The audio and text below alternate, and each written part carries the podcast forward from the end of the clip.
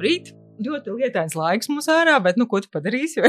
nu, jā, pat, zin kā, izrunāt negribās. Izrunāt negribās. Traki, skaties pa logu ārā un tur vējš, slapš. Beidzās vasara. Jā. Žēl. Bet mūsu podkāsts kopā ar Andrēju Peredīsti, Jorta klīnikas traumatologu ortopēdu. Prieks tev Sveiki, redzēt. labrīt, Džon. Un te mums ir ahilē cīpslas plīsumi, ahilē cīpslas bojājumi. Tā liekas, ka ļoti vispār zināma tēma un ko tu tur vai ne tur runāt, vai ne, bet tu pajautāji jebkuram cilvēkam, nu, ko tu dari ar ahilē cīpslu, vai viņu šuj, vai viņu atstāja sadzīt kā ir, un izrādās, ka, nu, tikai mēs zinām to nosaukumu, bet to tās diagnozes, bet īsti nezinām, nu, kas tad zem tā viss slēpjas. Nu, šodien mēs ieviesīsim skaidrību. Okay. Lai mēs pavisam ieviestu skaidrību, mums laikam ir jāprecizē, kur atrodas ahilē cīpsli un kā, kāds viņai tas uzdevums, kāda tā funkcija viņai galvenā. Es domāju, ka ahilē cīpsli ir viena no tām cīpslām, kur nu, praktiski jebkurš, kuram tu nepajautāt, viņi zina, kur viņi ir. Nu, tā, nu, tā lielākā daļa tomēr zina. Nu, gan tas, no, gan tas nosaukums, gan skaidrs, ka tā nav roka, tā ir kāja. Vismaz jā. tik tālu, jā. Un, bet, nu, un svarīgi ir tas, ka tai cīpslē tiešām milzīgs slodzi, un cīpsle ir viena, nu, teiksim, viena no lielākām mūsu ķermenī. Nopietna cīpsle, kurai ir, diemžēl, ar laiku bieži vien iestājās dažādas izmaiņas, kuras arī veicina dažādu veidu cīpslas bojājumus sākot ar iekaisumu un beidzot pat ar tās cīpslas plīsumu. Varbūt tu vari tos apstākļus tā kā precizēt. Viņi tiešām plīst vienmēr tikai kaut kādā ļoti nopietnā sportā, kā trauma, vai tie apstākļi var būt dažādi? Mm, tu zini, es domāju, ka uh, situācijas var būt absolūti dažādas. Tā var būt sadzīve, tā, tas var būt tiešām sports. Uh, tāds klasisks pacients ar ahilē cīpslas bojājumu ir uh, tāda vidēja vecuma cilvēks, vīriešu dzimts pārstāvs Tev jāsaka cilvēks. Ne? Nu, cilvēks. Lai mēs būtu korekti visādā ziņā. Jā, ar spalvainām krūtīm. Nevienmēr. kājām. Nē, jāsakot, vīrietis ap 40, nu, 35, kurš laba, labu laiku nav nodarbojies ar sportu, un tad pēkšņi ir draugi ir pasaukuši uzspēlēt, nezinu, volejbolu pludmalē vai basketbolu zālē, un viss tas ir beidzies ar to, ka Eh, klasiski arī cilvēks ir sajūts tā kā spērienu no mugurpuses. Burtiski vienmēr visi lielākā daļa atskatās uz aizmuguri, paskatās, vai tiešām nav bijis viens, kas viņam iespēra. Jo tā, tā, tas brīdis, kad cīpsla plīst, ir eh, tāds, nu, tādai cīpslai plīstot arī mēdz būt arī skaņas un sajūtas, bet nu, tas, ka tev ir absolūti sajūta, ka tev viens ar bezbolu nūju ir iesits pa pa apakšstilbu apakšējot pa tur pie papēdas, tas ir viennozīmīgi. To lielākā daļa atzīmē. Nu, un tāpēc parasti pagriežoties neviena nav. Kā izrādās? Kā izrādās, izrādās vienkārši cilvēkam nepaveicās un cīps ir plīsus pat pa sevi. Nu, dabiski tanī brīdī tev jābūt kustībā. Tu nevari guļot gultā, cīpslu saplēst nav iespējams. Tas nozīmē, ka nebūtu, tie nav tie trenētākie un tie, tie lielākie sportisti. Tā nav tā lielākā sportista. Nē, tur vispār absolūti nav nekāda korelācija starp to, vai tas ir sportists vai tas nav sportists. Ir, es domāju, ka iespējams, kad sāks pētīt, un iespējams arī pētījumi tādi ir, es neesmu viņu skatījies, bet uh, to, ka cilvēki, kas ir, uh, vienkārši tas ir tāds, nu, lielākajai daļai vecuma izmaiņas, tad cīpsla, kaut gan cīpsla plīst arī nu, man šobrīd jaunākā meitene, kur ir cīpsli pārplīsus, ir nedaudz pār 20. Visam jauns cilvēks. Bet tā meitene? Jā, kas ir vēl interesantāk. Jā, es lasīju, ka piecreiz vairāk vīriešu. Nu, vīrieši noteikti biežāk, jā. Iespējams, tāpēc, ka viņi ir fiziski aktīvāki vai es nezinu. Nu, vairs tā bet, jebkurā, jā, bet jebkurā gadījumā tā, tā cīps, lai veselē būdam, viņi neplīst. Plīst viņi tikai tad, kad tur jau ir izmaiņas. Mēs esam runājuši par tādiem stresa lūzumiem. To var kaut kādā veidā attiecināt arī uz cīpslām, kā plīsumiem. Stresa plīsums. Kad, jā, kad ilgstoši varbūt tu viņai strādā pārslodzē, vai tas atkal nav šis gadījums? Grūti pateikt. Es domāju, ka nu, noteikti, kad pārslodzē ir vieta un uh, cilvēki vienkārši par to nepamanā bieži vien. Pamanā tikai tad, kad tas sāk sāpēt. Tas nozīmē, ka tas iekaisums jau ir sasniedzis tādu līmeni, kad viņš sāk traucēt. Uh, Un tad arī bieži vien mēs veicot dažādu veidu izmeklējumus, sākot ar sonogrāfiju, beidzot ar magnētisko rezonanci, redzam izmaiņas tādā cīpslā. Mm, respektīvi, cīpsla ir tāda nu, bieza, bieza saistāvu struktūra, kurai ļoti precīzi novietot visas vis tās šķiedras, kas veido to cīpslu. Šķiedru daudzums ir, nu, es nezinu, neviens droši vien nav skaitījis, bet tie ir nezinu, miljoni, miljardi daudz. Un dabiski notiek kaut kādas droši vien izmaiņas cīpslā, pazūd elasticitāte, pazūd citas mehāniskās īpašības, un cīpslā vienkārši pārslogojot ir vieglāk viņi plīst, viņi vairs nestiepjās tik labi, un, un Jā, rezultāts ir tāds, kāds viņš ir. tas... Nu jā, un tāda mikro, mikro, mikro plīsuma, kuru it kā nerada nekādas uh, pat diskomforta, uh, viņi uh, veicina šīs cīpslas deģenerāciju uh, uz tādu pastāvīgu iekaisumu fonu, un uh, cīpsla deģenerējot dabiski maina arī to, to ko tikko minēja, tās mehāniskās īpašības, un viņi vieglāk plīst. Bet ieplīst un pārplīst. Kā tas varbūt Jā, izpaužās varbūt tam daļai cilvēkam? plīsuma, Jā, varbūt pilni bojājumi. Jā. tas Da- kaut kā dažādi izpaužās. Nu, parasti daļējais plīsums, tas nozīmē, ka viņi lielai daļai, kuram ir daļēji plīsumi ar laiku, var arī pārplīst pilnīgi ar diezgan lielu varbūtību. Bet noteikti, ka eh, daļēji plīsumi viņi pieprasa arī pavisam citu ārstēšanas protokolu, kas attiecās uz pilniem bojājumiem. Tur, nu, teiksim, pie mums Latvijā un lielākā pasaules daļā tomēr ir pieņems lietu ārstēt ķirurģiski Tomēr tā. šūt kopā. Ir klīnikas, ir pat valstis, kur ir tāda negluži strikta, bet tomēr rekomendācijas, kad uzskata, ka eh, cīpslām ahilē cīpslas var ārstēt konservatīvi, respektīvi ar ģipsi, ilgstoši, jā, tāda pamatīga fiksācija ar pēdu, tādā nostieptā stāvoklī, lai maksimāli satuvinātu cīpslas galus, panākt rētošanos un beigās arī intensīvi vingrojot, iztaipīt atkal tos rētaudus un tādā veidā panākt rezultātu. Tie uzskati ir dažādi. Es nezinu, es, pie mums noteikti šodien, ja man būtu jābūt plīs uz cīpes, es noteikti gribētu sašūt viņu. Mhm. Tur man nav nekādu šaubu, jo tomēr panākt absolūti normālu cīpslas garumu un nešujot viņu, man liekas, ir diezgan grūti. Un konservatīva ārstēšana viņi ir tāda, nu, viņi pieprasa nenormālu pacietību. Jā, cilvēkam tiešām ir daudz, eh, daudz ierobežojumu. Kaut gan Zviedri uzskata, ka arī tie pētījumi, kur, viņi, kur ir veikti, pierāda to, ka ilgtermiņā tā starpība nav starp tiem šūtajiem un nešūtajiem. Jā, bet, Nu, Bet tā gluži nav. Es domāju, ka tiem pētījumiem arī tur ir savs, savi mīnus. Es nesākšu minēt, kas un kas, bet uh, jebkurā gadījumā, ja mēs runājam par aktīviem cilvēkiem, tad viņi tomēr jutīs starpību. Jā, un tā starpība būs, viņš atspēriens būs savādāks, un, teiksim, ja ir svarīgi tur skriešana vai vēl kaut kas, tas viss rada, rada, rada savas niansētas izmaiņas, kas beigās noved pie kaut kāda arī, nu, teiksim, nevisai tāda apmierināta stāvokļa cilvēkam. Jā. Jā.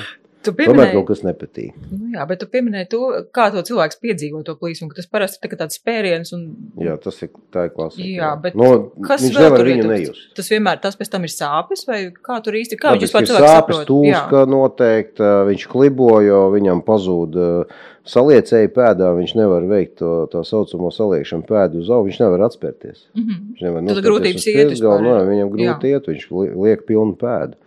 Nejūt neko tikai tie cilvēki, kuriem tā cīpsla plīst uz tādu izteikti deģeneratīvu izmaiņu fona.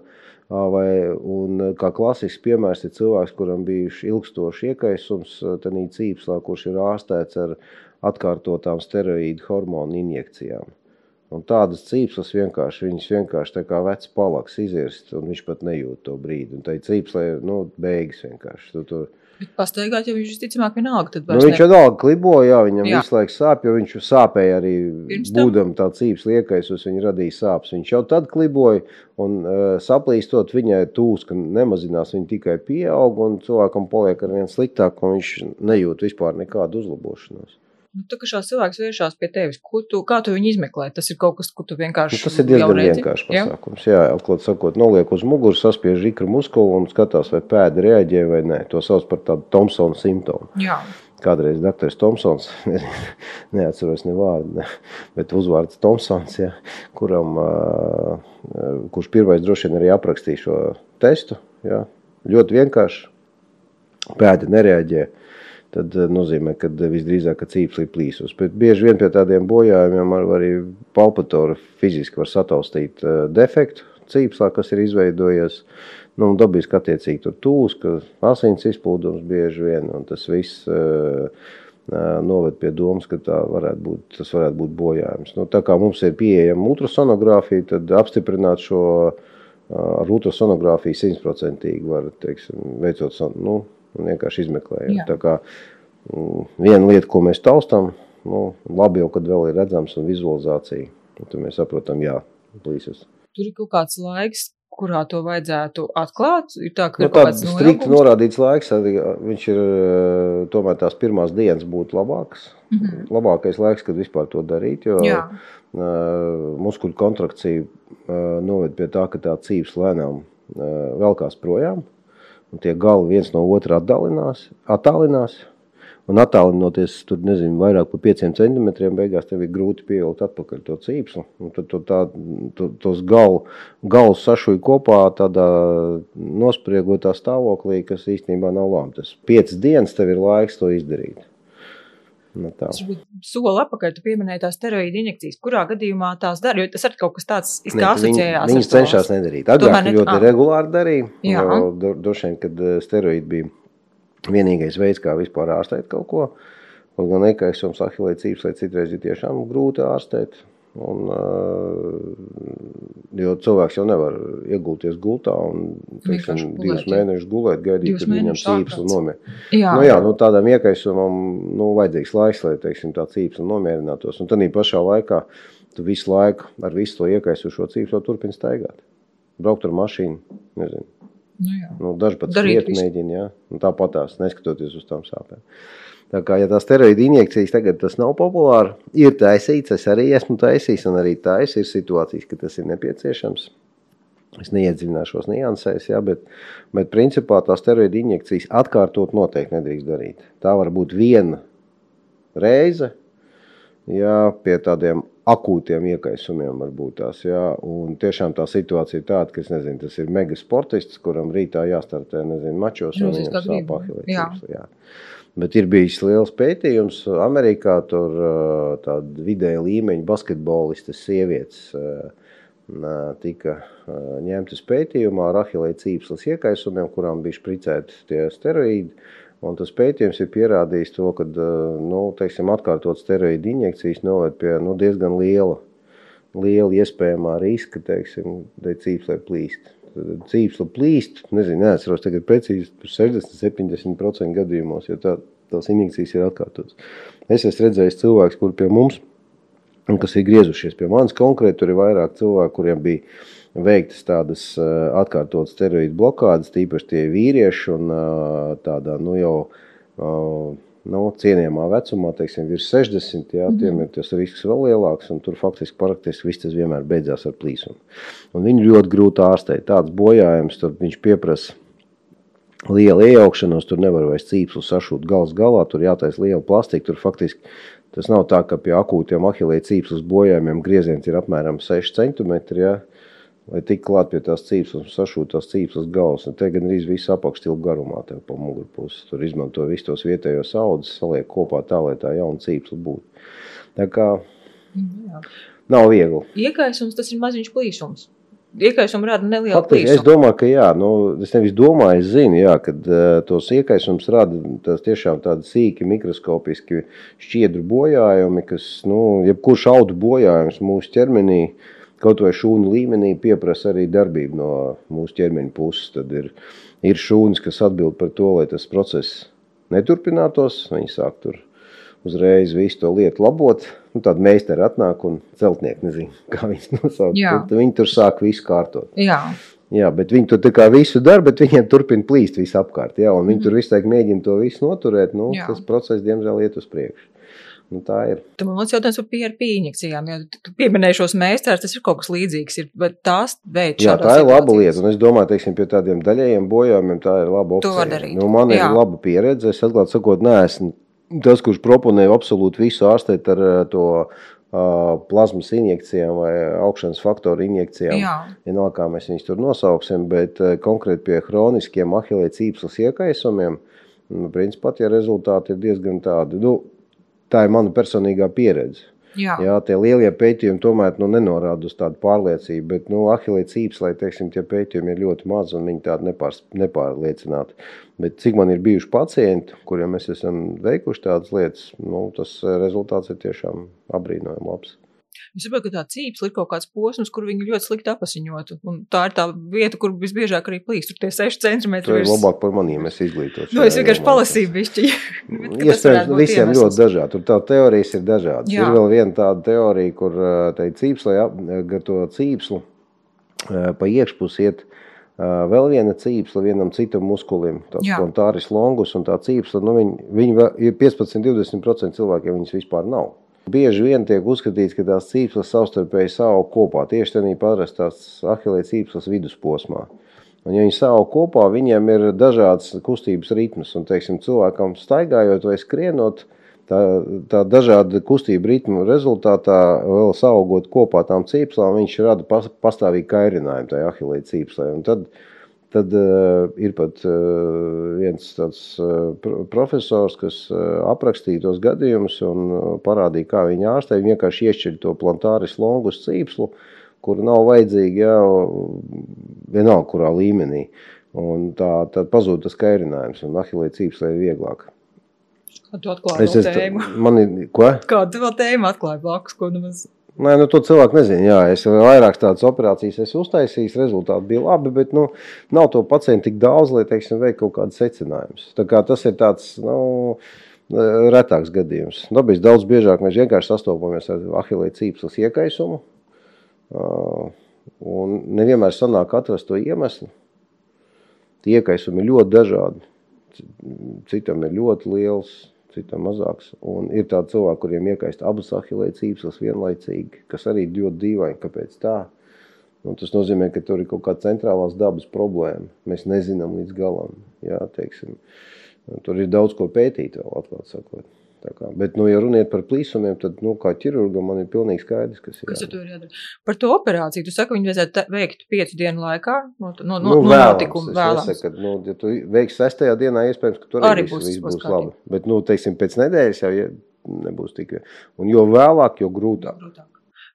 Pastāst, kāds notiek. Tu pieminēji to 6 centimetrus. Tas nozīmē, ka tā nav artroskopija. Tas, laikam, kaut, tur kaut kā vaļēji to tā. Nē, klausies, ir arī tehniski, kur artroskopiski šoju. Ir, ir tur viens turks, bija turku doktors, kas vienā, es atceros, konferencē prezentēja, kā viņš tur veiksmīgi šoju. Bet, nu, redz, ja sašūt ahilē cīpslu, faktiski, ja tu to proti darīt, jā, to var izdarīt 15 minūtēs. Nu, tā nav liela operācija, maz traumatiska. Ja tas ir svaigs bojājums, grieziens ir maziņš Ļoti svarīgs tas ir pēcoperācijas periods un dabiski arī cīpslas kvalitāte un tā tālāk. Ir varianti, ka taisa to slēgt artroskopiski. Taisa vairākas mazas dūrienas, nu, faktiski grieziens, uh, kurus faktiski saliekot kopā, beigās sanāk tikpat garš garums. Jā. Jā. Bet, nu, tā kā tu mazāk traumē audus un tu tā kā labāk un tā, bet no operācija ilgs uz stundu.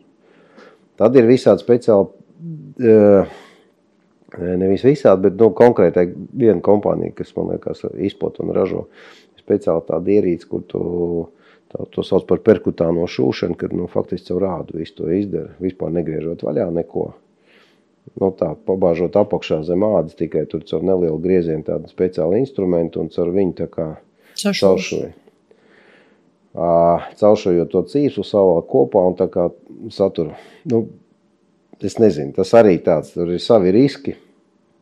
Ja tu esi ļoti ciešā kontaktā ar rādu, kur nu, nekad nebūs, cik tu viņu tur Sterili, potenciāli nesterili, jā, mm -hmm. tad uh, nākamais ir, nu, tas ir šausmīgi dārgi, mm -hmm. viss tas komplekss ir vienreizējais, tas ir tas, un otrkārt, nu, tas nu, process jau arī nav tik ātrs. Nemaz. Jā.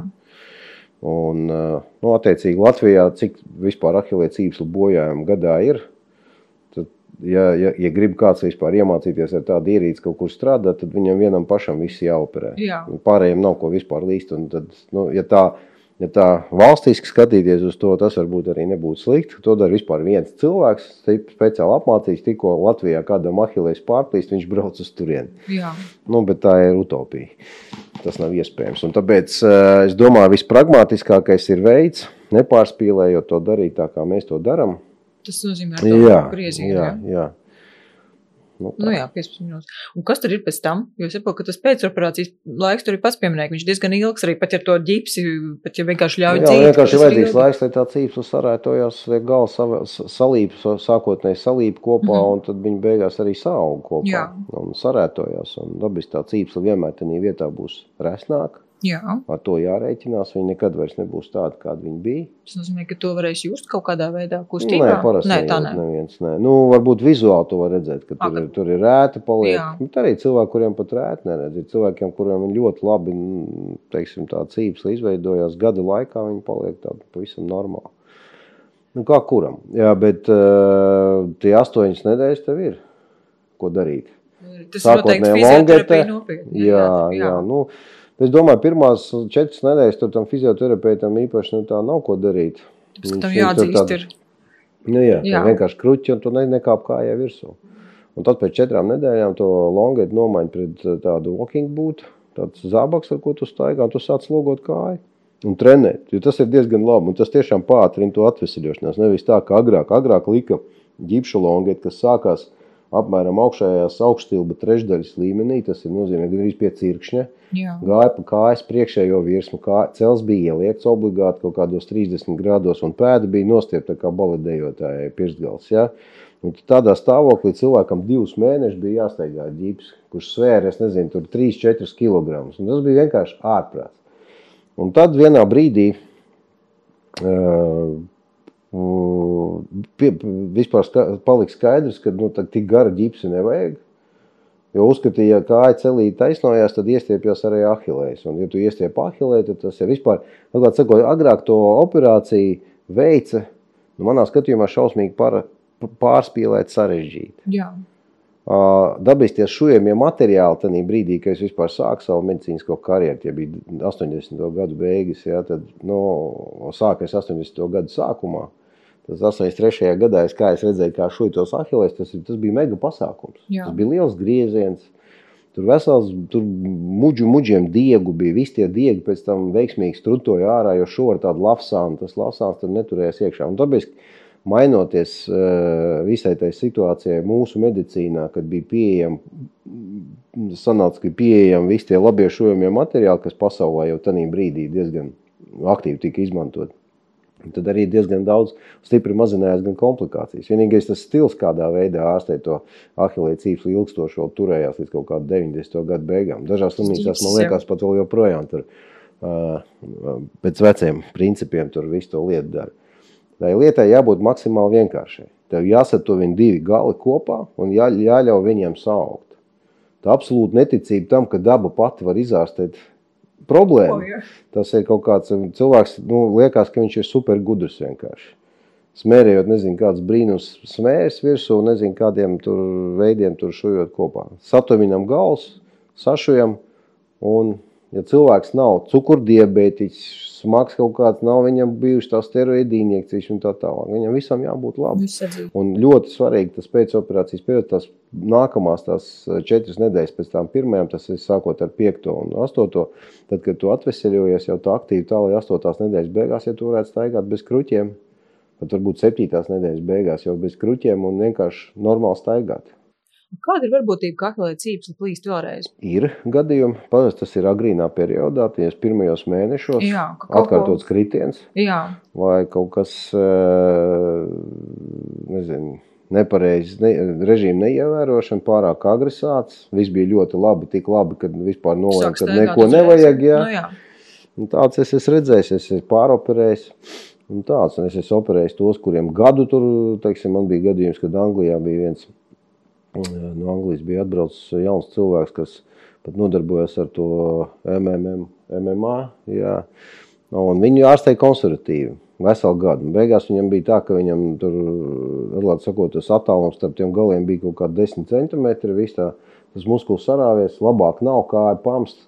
Uh, Izmeklējumā skaidri var redzēt divus uh, tādus jau cīpslas galus, kas ir pārvērtušies par tādiem nu, stumbriem faktiski. Jā, un tad, nu, tad taisīja viņam lielu to plastiku operāciju un viss. Nu, nu, viņš arī turpina startēt. Viss kārtībā. Pagāja kaut kāds nezinu, 3, 4 mēneši. Viņš ļoti veiksmīgi. Un tas tāds labs gadījums, kad, nu, ko, ko parādīt un pateikt, ka, jā, redz, ka mēs varam arī tādās situācijās diezgan veiksmīgi tikt galā ar visu to. Maniem kolēģiem, cik nav bijuši gadījumi. Ir situācijas, man burtiski vakar, ne, aizvakar gadījums, kad ahilēja cīpsla noplīst no kaula nost. Viņa nevis plīst pat pa vidu, bet viņa noplīst no papēža kaula. Tā ir pavisam cita situācija. Jā, bet ko, arī ko dara tad? šūp pie kaula atpakaļ. Jā, ir daudz visādi speciāli ēni, kur tehnikas kādā veidā to izdarīt, un ļoti veiksmīgi to var izdarīt. Agrāk tās tehnikas bija savādākas, un attiecīgi arī tā, bet šobrīd, nu, es nezinu, nu, viss ir. Kā to cilvēks bija dabūjis gatavu? To veicina atkal bieži vien tāda saudabīga papēžu kaulu pauguru forma. To sauc par haglundu deformāciju, kad tas papēžu kaulam izveidojas tāda izauguma. Viņš drusku, viņi ir tie, kas kairina visu laiku to ahilēju cīpslu, rezultāts ir droši vien tas, un viņi deģenerē, un viņi vienkārši noplīst no kaula. Jā, tas ir sarežģītāk. Tas atvesļošanās process arī nedaudz ilgāks, jo tev jāpieaudzē cīpslu pie kaula, nevis cīpslas gali jāsaudzē kopā. Nu tā. Izklausās nopietni. Izklausās, nu, viss tas izklausās gan nopietni. Nu, tā arī diezgan ilgstoši, laikietilpīgi. Tas nav tā, ka Nu. Jā, bet ja tu pareizi, principā to pēcoperācijas, svarīgākais ir to pēcoperācijas periodu padarīt maksimāli komfortablu. Tas, kā kādreiz bija un kā tas mēdz būt, jā, tad jā. To, ka tu nedrīkst kāpt tai kāju virsū, sorry, nu, tu neko tu nevar izdomāt. Jā. Ir gan speciāli tādi breisi, ko var likt un savādāk tur pie ahilē cīpsas bojājumiem, kur tev ir faktiski tā kā pirātiem, zin, agrāk bija tā, tās protēzes, ka viņiem nav apakšstilbi, tad viņam nu, vienkārši koku tādu pielikt klāt pie ceļa. Un ir tāda ortos, tu uzmauc viņu virsū, un celī tev kāja ir saliekta, tu vienkārši balsties uz uh, ceļa, un tu faktiski bez Jā. kruķiem var staigāt. Tu vienkārši staigā, balstoties uz tādu, nu, štoka, Jā. kurš ir pielikts klāt, klātam celim. Nu, bet viņš ir tāds liels, tev tas tā pēdas, cels ir saliekts un pēda attiecīgi visur ķerās, tas nav pārāk ērti. Beļģijā, Holandē, kur man bija vairāk pacientu, kur iegādājās nu, internetā, vai kur un tādiem ir pārvietojušies. Latvijā viņi kaut kā nav aizgājuši.